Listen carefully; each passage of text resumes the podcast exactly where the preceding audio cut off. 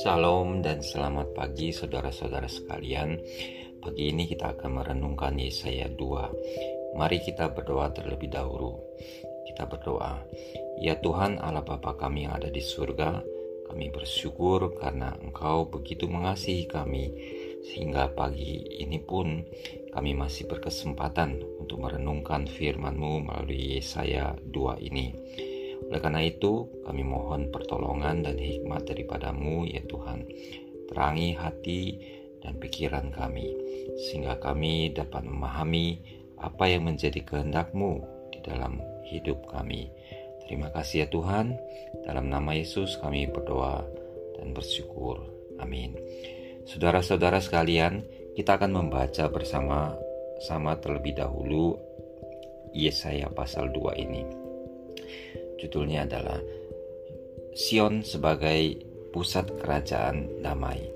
Firman yang dinyatakan kepada Yesaya bin Amos tentang Yehuda dan Yerusalem akan terjadi pada hari-hari yang terakhir. Gunung tempat rumah Tuhan akan berdiri tegak di hulu gunung-gunung dan menjulang tinggi. Di atas bukit-bukit, segala bangsa akan berduyun-duyun ke sana dan banyak suku bangsa akan pergi serta berkata, "Mari kita naik ke gunung Tuhan, ke rumah Allah Yakub, supaya Ia mengajar kita tentang jalan-jalannya dan supaya kita berjalan menempuhnya." Sebab dari Sion akan keluar pengajaran dan firman Tuhan dari Yerusalem. Ia akan menjadi hakim antara bangsa-bangsa dan akan menjadi wasit bagi banyak bang suku bangsa maka mereka akan menempa pedang-pedangnya menjadi mata bajak dan tombak-tombaknya menjadi pisau pemangkas. Bangsa tidak akan lagi mengangkat pedang terhadap bangsa, dan mereka tidak akan lagi belajar perang. Hai kaum keturunan Yakub, mari kita berjalan di dalam terang Tuhan. Hukuman Tuhan terhadap semua orang yang meninggikan diri.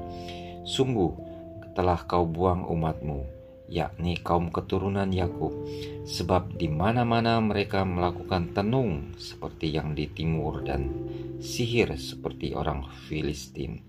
Dan orang-orang asing di antara mereka terlalu banyak. Negerinya penuh emas dan perak dan tak terbatas harta bendanya. Negerinya penuh kuda dan tak terbatas jumlah keretanya. Negerinya penuh berhala-berhala mereka sujud menyembah kepada kaum kepada buatan tangannya sendiri dan kepada yang dikerjakan oleh tangannya. Maka manusia ditundukkan dan orang direndahkan. Jangan ampuni mereka. Masuklah di sela gunung batu dan bersembunyi di dalam liang tanah terhadap kedahsyatan Tuhan dan terhadap semarak kemegahannya.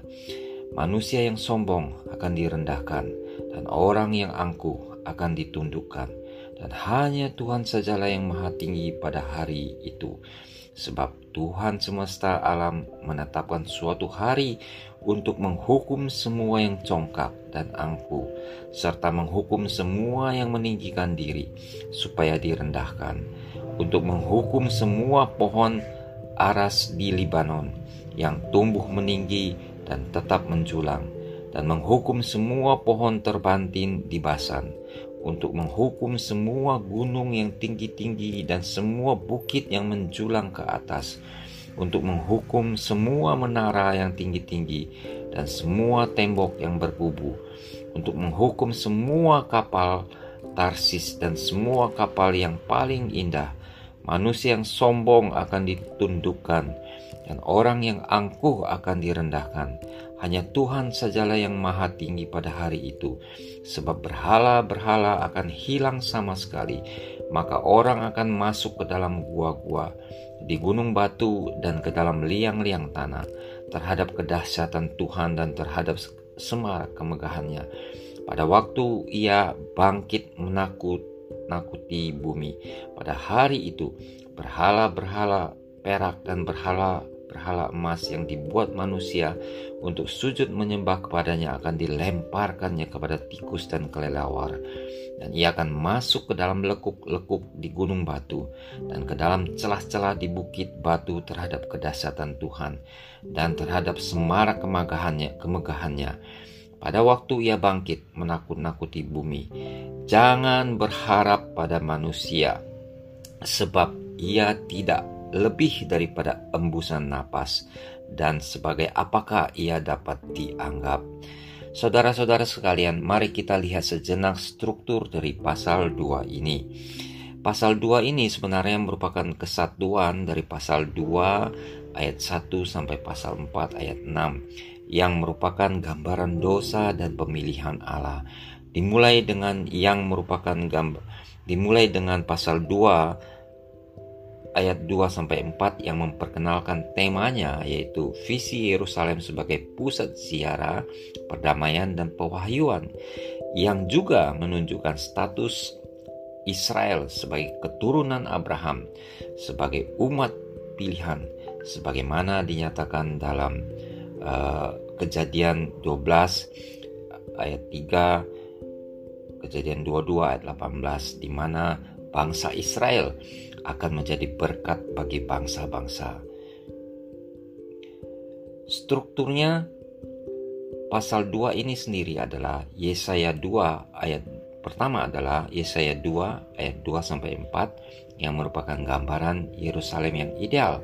Kemudian yang kedua adalah Yesaya 2 ayat 5 hingga 4 pasal 4 ayat 1 yang merupakan gambaran Yerusalem yang ada di mana terdiri dari dua kondisi. Yang pertama adalah kondisi religius di mana uh, ini dapat dari ayat 5 sampai 21. Kemudian gambaran tentang kondisi sosial itu nanti di pasal 3 ayat 1 hingga pasal 4 ayat 1. Dan yang ketiga adalah Yesaya 4 ayat 2 sampai 6 yang merupakan Yerusalem baru. Pasal 2 sendiri, 2 ayat 1 sendiri kalau kita baca sama isi, sama isinya dengan pasal 1 ayat 1 di mana Yesaya menegaskan kembali apa yang menjadi penglihatan Yesaya dari pasal 1 ayat 1. Saudara-saudara sekalian, kita kembali kepada prinsip membacaan Alkitab sebagai firman Tuhan. Jika suatu hal berulang, maka itu berarti penting. Sehingga kita dapat membuat suatu kesimpulan bahwa apa yang menjadi penglihatan dan yang dituliskan dari Yesaya di sini adalah penting. Saudara-saudara sekalian, mari kita melihat lebih detail apa yang menjadi pembelajaran kita melalui pasal 2 ini. Pasal 2 ayat 2 sampai 4 merupakan penglihatan Yesaya tentang Yerusalem juga muncul sebagai firman Tuhan, kepada Mika di Mika 4 ayat 1 sampai 4 sehingga kadang membuat kita melihat hal yang sama tetapi dari dua orang yang berbeda meskipun pada zaman yang sama yaitu zaman Raja Yotam, Ahaz dan Hizkia, Raja Yehuda. Oleh karena itu kita sering dapat membuat pemikiran bahwa apakah Yesaya adalah penulis Mika atau sebaliknya atau kedua-duanya memang mengutip kidung yang populer di zaman tersebut tetapi keduanya menggambarkan Sion sebagai pusat kerajaan damai. Saudara-saudara sekalian, bagian pertama dari pasal 2 ini menggambarkan situasi yang akan terjadi pada saat kedatangan Kristus yang kedua kalinya yang juga menandakan kesudahan akhir zaman di mana kerajaan Allah hadir dalam segala kepenuhannya. Segala bangsa yang merupakan makhluk ciptaan. Jadi, bukan hanya bangsa bagi bangsa Israel saja yang akan datang berduyun-duyun ke Sion yang merupakan gunung tempat rumah Tuhan. Tujuan kedatangan mereka adalah untuk mencari Tuhan, karena dari Sion ia akan mengajarkan jalannya serta memberikan pengajaran dan firman Tuhan dari Yerusalem. Pada saat peristiwa itu terjadi, maka Kristus akan menjadi hakim dan wasit di antara bangsa-bangsa. Ia akan memerintah atas seluruh bangsa. Jika Kristus sudah memerintah sepenuhnya, maka seluruh dunia akan menjadi damai.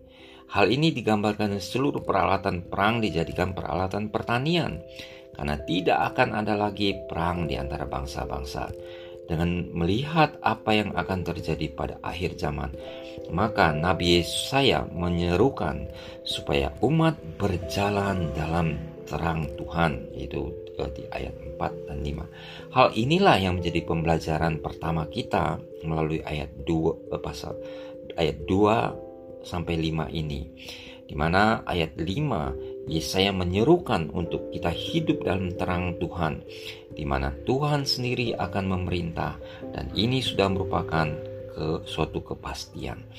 Saudara-saudara sekalian, kita sudah melihat bagaimana Yesaya memberikan gambaran Yerusalem yang ideal, tetapi karena keadaan dunia sekarang memang jauh dari ideal, dan sepertinya kejahatan yang sering kali menang atas kebenaran. Hal ini disebabkan kerajaan Allah belum datang dengan ke dalam kepenuhannya. Namun pada waktunya nanti Tuhan Yesus akan memerintah atas seluruh langit dan bumi baru. Jadi marilah kita hidup dalam terang Tuhan seperti yang Yesaya katakan. Saudara-saudara sekalian, bagian kedua dari pasal 2 ini yaitu ayat 5 sampai pasal 4 ayat 1 adalah berbicara tentang orang yang tidak meninggikan Tuhan adalah merupakan suatu kesombongan yang menggambarkan juga keadaan dunia atau Yerusalem yang sesungguhnya pada saat ini di mana ada dua kondisi yaitu sudah disebutkan di atas kondisi religius di Yesaya 2 uh, eh, ayat 6 sampai 21 dan nanti pasal 3 akan menggambarkan tentang kondisi secara sosial Eh, di pasal 3 ayat 1 hingga pasal 4 ayat 1. Ketika kita tidak berjalan dalam terang Tuhan, maka yang terjadi adalah kita akan melakukan segala dosa yang dibenci Tuhan. Yesaya memanggil umat untuk berjalan dalam terang Tuhan, karena Tuhan telah memutuskan untuk menghukum umatnya dan tidak akan mengampuni. Dosa umat secara umum adalah meniru kejahatan bangsa-bangsa lain, seperti tenung, sihir, umat yang mengumpulkan banyak harta dan kuda, sehingga kereta kuda menunjukkan bahwa mereka lebih bergantung pada kekayaan dan kekuatan militer daripada Tuhan. Perlu kita ketahui bahwa dalam hukum tentang raja dalam ulangan 17 ayat 14 sampai 20 dikatakan bahwa raja Israel tidak boleh mengumpulkan banyak kuda karena itu berarti Israel akan bergantung pada Mesir yang menghasilkan kuda. Selain itu mereka menyembah berhala. Ironisnya mereka membuat membuat berhala-berhala dengan tangan mereka lalu menyembahnya.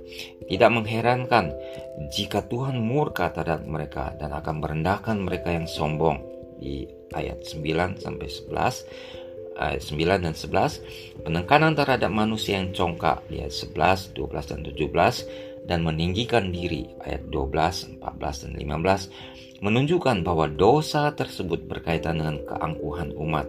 Bukankah hanya Tuhan yang patut ditinggikan, sedangkan di sini umat berharap kepada manusia dan berhala yang mereka tinggikan. Dari daftar dosa yang kita lihat, jelas bahwa dosa-dosa tersebut berkaitan dengan kesombongan manusia yang tidak mau meninggikan dan mendengarkan apa yang Tuhan perintahkan. Mereka lebih meninggikan manusia, lain dengan meniru dosanya, juga bergantung kepada kekayaan dan kekuatan mereka, serta mengabaikan Tuhan dan malah menyembah berhala. Bagaimana dengan kita?